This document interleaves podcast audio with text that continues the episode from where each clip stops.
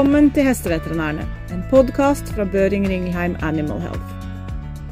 I denne podden snakker vi med spesialister fra forskjellige områder innen hest og veterinærmedisin, som deler den samme brennende interesse for hest som deg og meg. Velkommen tilbake til Hesteveterinærene, podden for deg som er veterinær eller dyrepleier og som jobber med hest.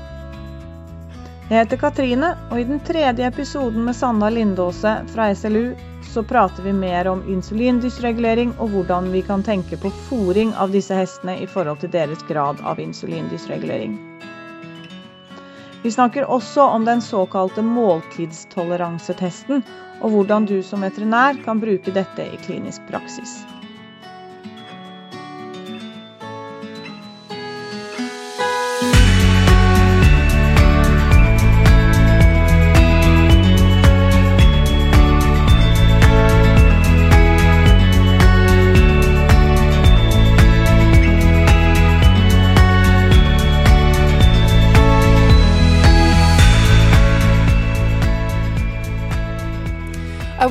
Welcome back to you, Sanna, for this third episode of uh, uh, this series in the podcast about endocrine disorders and uh, insulin dysregulation. Thank you so much. So, when it comes to feeding of the uh, insulin dysregulated uh, horse, we've learned that uh, the hay should not contain high sugar level levels or levels of water soluble carbohydrates. Um, and this figure has been set to 10 to 12 percent. Uh, per kilo dry matter, but can you tell us a little bit more about where does this number actually come from and how relevant is this? Yeah, absolutely. This is a very, uh, very good question, actually, because uh, the first thing is that I, I, noticed that you said hay with less than 10%. Uh, so if it's okay, I would just start to talk about like the, the dry matter content. So the dry matter uh, is a measure of how wet the food mm. is, nothing else, actually. So it is not the dry matter content of the forage that is important for the insulin dysregulated horse, is the amount of sugars.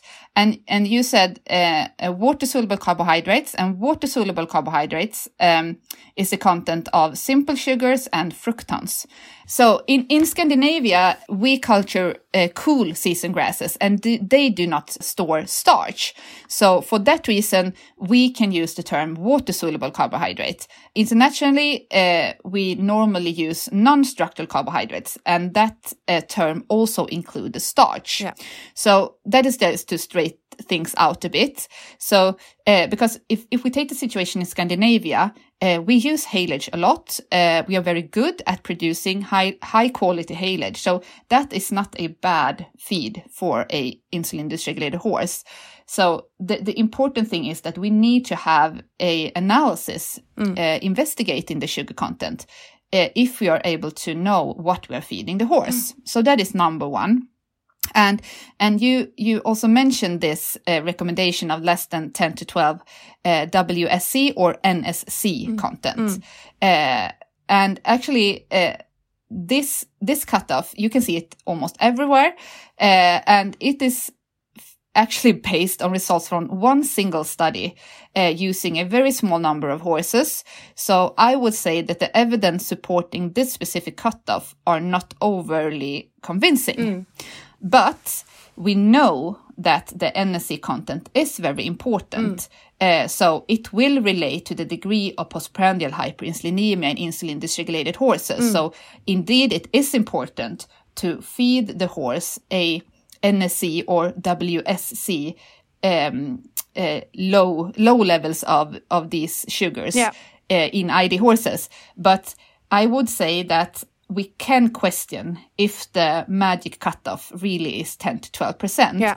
But I, I, don't think it from if you look at it from a horse owner or a clinical point of view, it really doesn't matter because I think you should aim at finding a a forage with so low concentrations of uh, WSC as possible. Yeah. And more than that, you cannot do. Of course, you can you can add straw, for example, to reduce the amount of forage uh, uh, and still keep like the total amount of roughage uh, mm. um, not too low.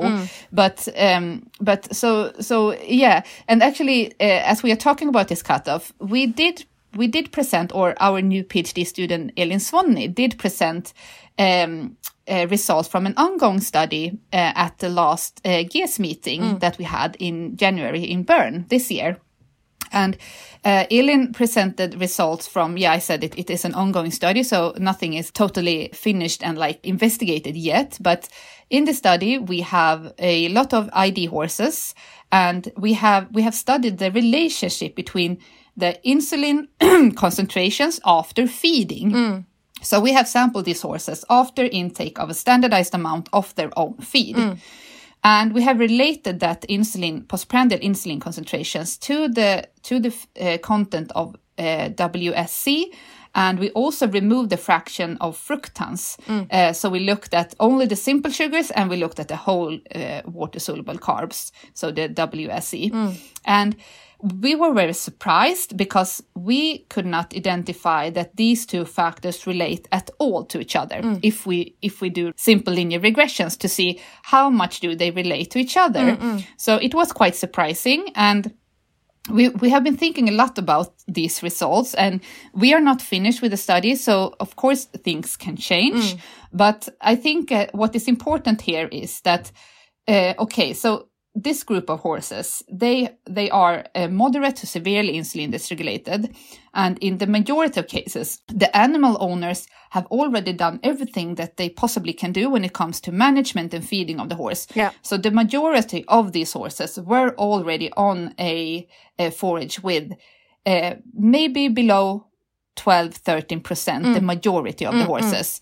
So that means that when we have, when we have, uh, WSC contents that are at that range or lower, may, maybe it, it doesn't matter so much if you have 4%, 6% or 8%. Yeah. Are you with me here? Yeah, yeah. But if we had included more horses with uh, that were fed more sugar, maybe the results have had been different. But if if I was to interpret these results from a clinical point of view, I would actually say that yeah, it is crucial to feed ID horses a forage with as low WSC content as as possible. But maybe we do not have to aim at like zero sugar or uh, 3% or uh, 2% or so, because when we are in the lower ranges, there are other things that are more important to explain the postprandial uh, hyperinsulinemia than just lowering the sugar content just a couple of more percent. Are you with me Yeah, here? yeah. And, and, and we know, we know that the, the, the prevailing degree in that individual horse, that the prevailing degree of insulin dysregulation is the most most important factor that will um, affect the postprandial hyperinsulinemia. So if you have a severely severely sick horse, it may not it may not differ for that individual horse if you lower uh, the uh, WSC content from eight to four percent because uh, it it won't matter because there are other factors uh, that that uh, have a bigger a bigger impact. Yeah.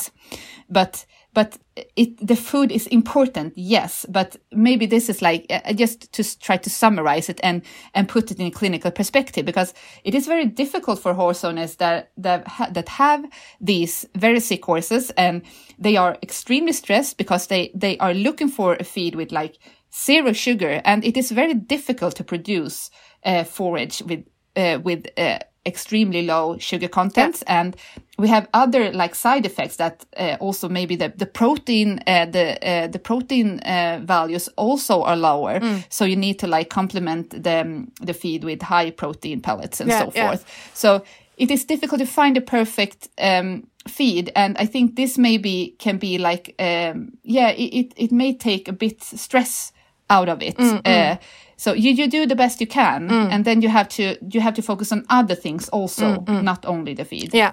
yeah And I mean, it's something that you also see, right? Clinically, uh, you see these um, horse owners that really do everything and a little bit more.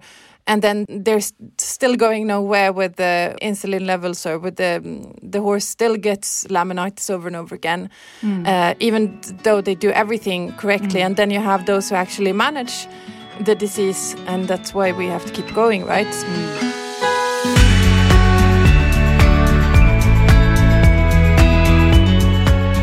It's really interesting with this ongoing study of yours because you were looking at the postprandial insulin levels when they had instead of a glucose syrup they had the regular Yeah. forage. Exactly. Yeah, exactly. Do you think and this is just this is very hypothetical and uh, maybe a bit uh, longer in the future but do you think it's a good idea to do sort of glucose tolerance test or dynamic test with the feed with the forage in order to find instead of looking at the number on the analysis the number the amount of WSC which Yeah. is also has to be remembered it's uh, average it's Yeah, it's not going to be in every exactly. ration that this horse is getting or from every bale Very, yeah, a very important point. Yeah. so so it's instead of looking at this and say okay so this is 99 grams and this is 101 grams i can use one but Yeah. not the other do you think it's a good idea to do this dynamic testing after a meal Yeah, I would say definitely, definitely. And not, I, I don't think we need to talk about like very far in the future because uh, we have actually recent, the, during the recent years, starting to add the, we, we, we call it a meal tolerance test. Yeah. Uh, and uh, maybe I can relate to that term. So meal tolerance test is when you feed the horse forage and you take blood samples. So it is, it's very easy. So I think that I think the first step again, we, we have a horse that we uh, maybe the horse have had laminitis, or you have something else that make you uh, have a suspicion of insulin dysregulation, or maybe PPID.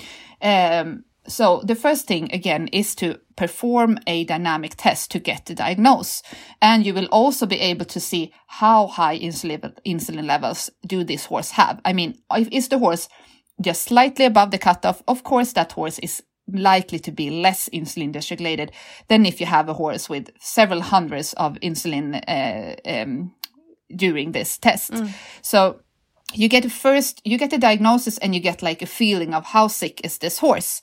But as you just said, what is important here? Okay, we know that that the feed can contain different amounts of sugar and it's not easy to find a perfect food. And we have other factors such as the insulin uh, dysregulation degree that will affect how the, the individual horse responds. So I would say that to add like you, you, you get the diagnosis, then to add a meal tolerance test is very convenient because then you will know exactly how that horse respond to their daily feeding. That we, it will have like five, four, five, six times every day. Mm. So it is a very good test to see what does this horse experience in terms of hyperinsulinemia mm. every day. Mm, and at at the moment we do not have like a valid protocol. We have not uh, we, we do not have a protocol that has been uh, scientifically evaluated. But uh, uh, and i will come back to another problem. But i don't think we need to have that to be able to start doing this with our horses because we get we get so good information that maybe we do not have a cutoff. Yeah but that will be very difficult to have Yeah. if as we know that the content of the sugar in the different feeds will differ Yeah. so i think it will be very hard to have like a cutoff you should be here or there but the important thing is that we need to figure out to get the most out of this test is what is the safe level of postprandial insulin concentrations after a meal intake Yeah.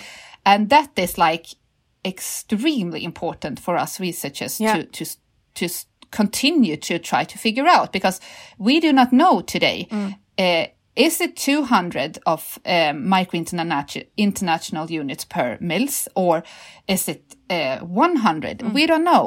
We have we have research performed that have been able to show that above or at at a level of 200 uh, micro international units per mils of, of insulin, there is a very high risk of laminitis. So okay, we know that, but we have the problem that for once we use different assays when it comes to analysis of insulin. So we cannot interpret that if we use another method uh, for for our insulin analysis. So that is one problem. Uh, and and that is also important when when you perform the test that that you know uh, how how uh, what what type of assay being used because you will have very different insulin concentrations depending on tests. So uh, I just put it in here because I, I just realized I haven't talked about this.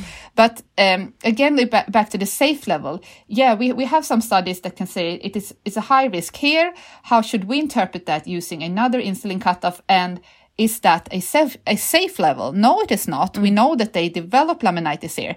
So we have been working from this is just based on our clinical experience. So this has to be taken with a very like, yeah, I, I- can't, I can't promise every, anything. And this may change e- extremely in the future. But at the moment, when we recommend to do these tests, we are aiming at a, uh insulin concentration, uh, uh, uh, uh, sorry, less than 100 micro international units per mils.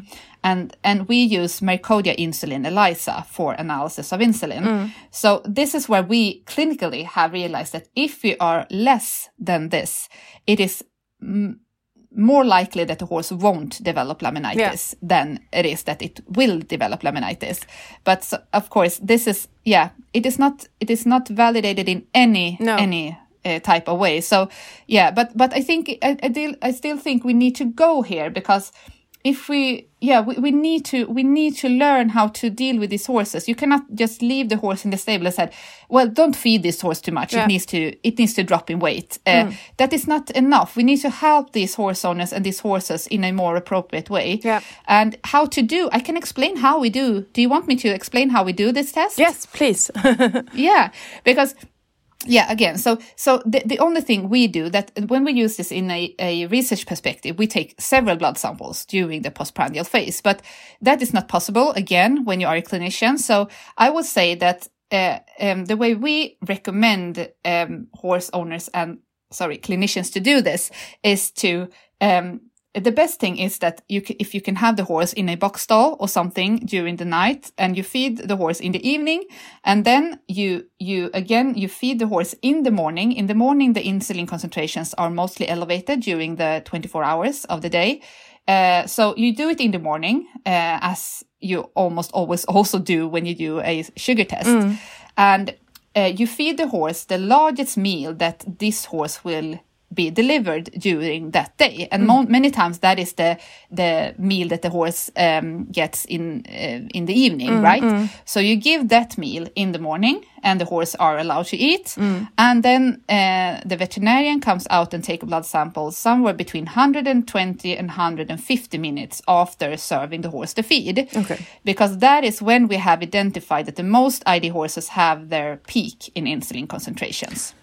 Can I just add and ask, uh, even if they haven't finished their meal, it's after they started eating. Yeah, it's after they started eating. Okay.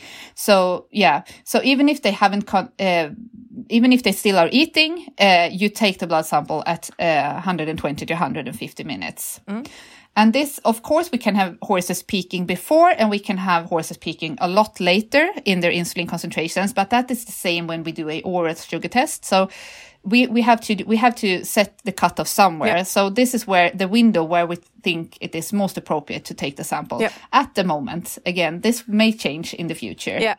But we use this, we use this both um, in a research setting and also for the, uh, the, the veterinarians working close to us. Uh, we, we have learned how to do this and they really like it because, yeah, you get more, you get so much more knowledge about that individual Yeah. horse.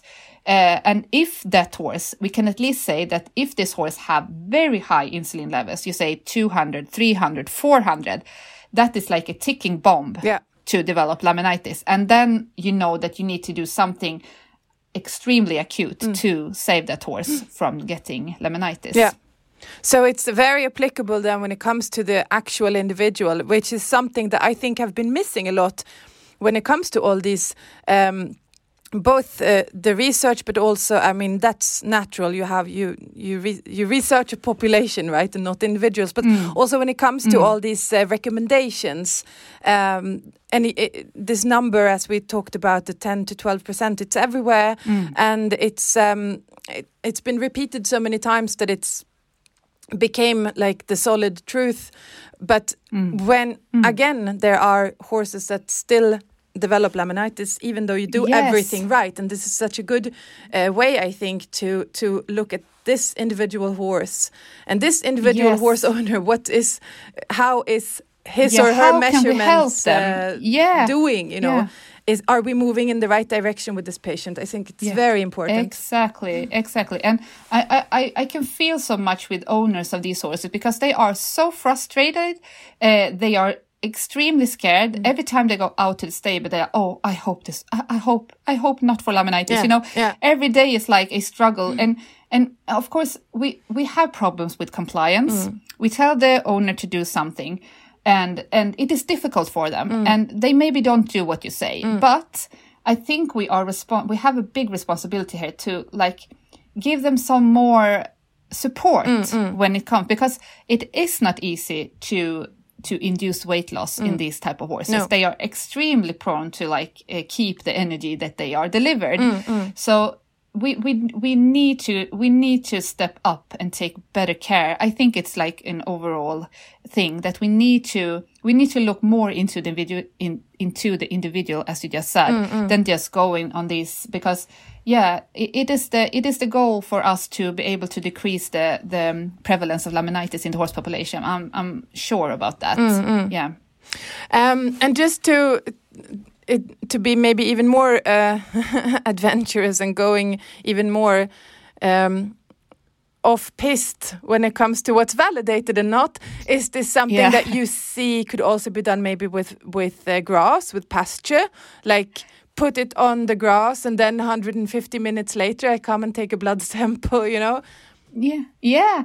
I, actually, I, I, that is that is also because this uh, pasture turnout, no pasture turnout, it's like o- going on forever. Uh, it's it's extremely extremely difficult for. So if if I get the question, but, but can I can I let my horse be at pasture? Yeah. The first thing is that the first uh, uh, thing I always say is that I can't tell you because I don't know your horse. We need to sample the horse. We need to know uh, number one, do, does it have insulin dysregulation?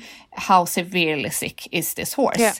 Uh, so a horse with like extreme hyperinsulinemia to a oral sugar test, I would never recommend pasture.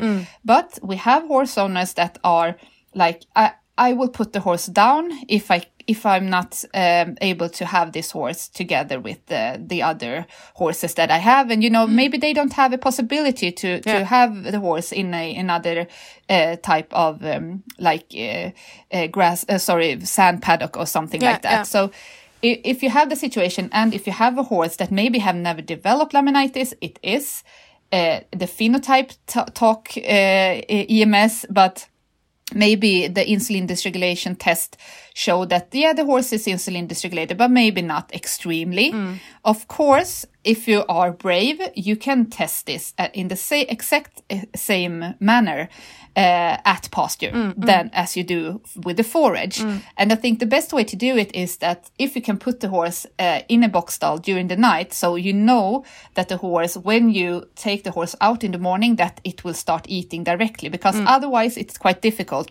They have uh, the horses are eating in during different periods during the day if they are housed on pasture 24 hours mm, mm. so if you have the horse in a box stall during the, the night and then you put it out and you take a blood sample 100 and 150 to 120 minutes after you get the same information how does this individual horse handle this specific situation yeah. yeah.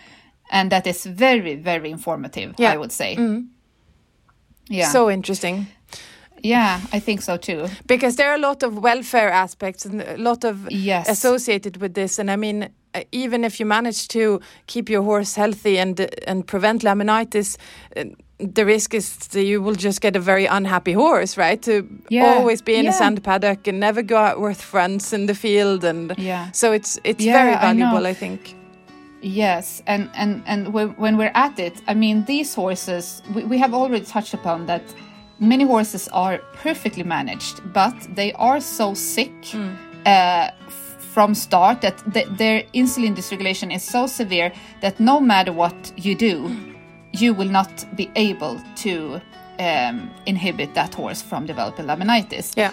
And those horses, those horses are the ones that we hope that we in the future can treat with a com complementary pharmacological treatment. Tusen takk for at du lytter til Hesteveterinærene.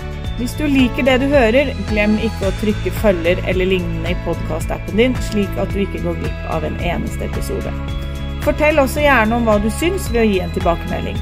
Vi tar også gjerne imot tips om kommende gjester og emner.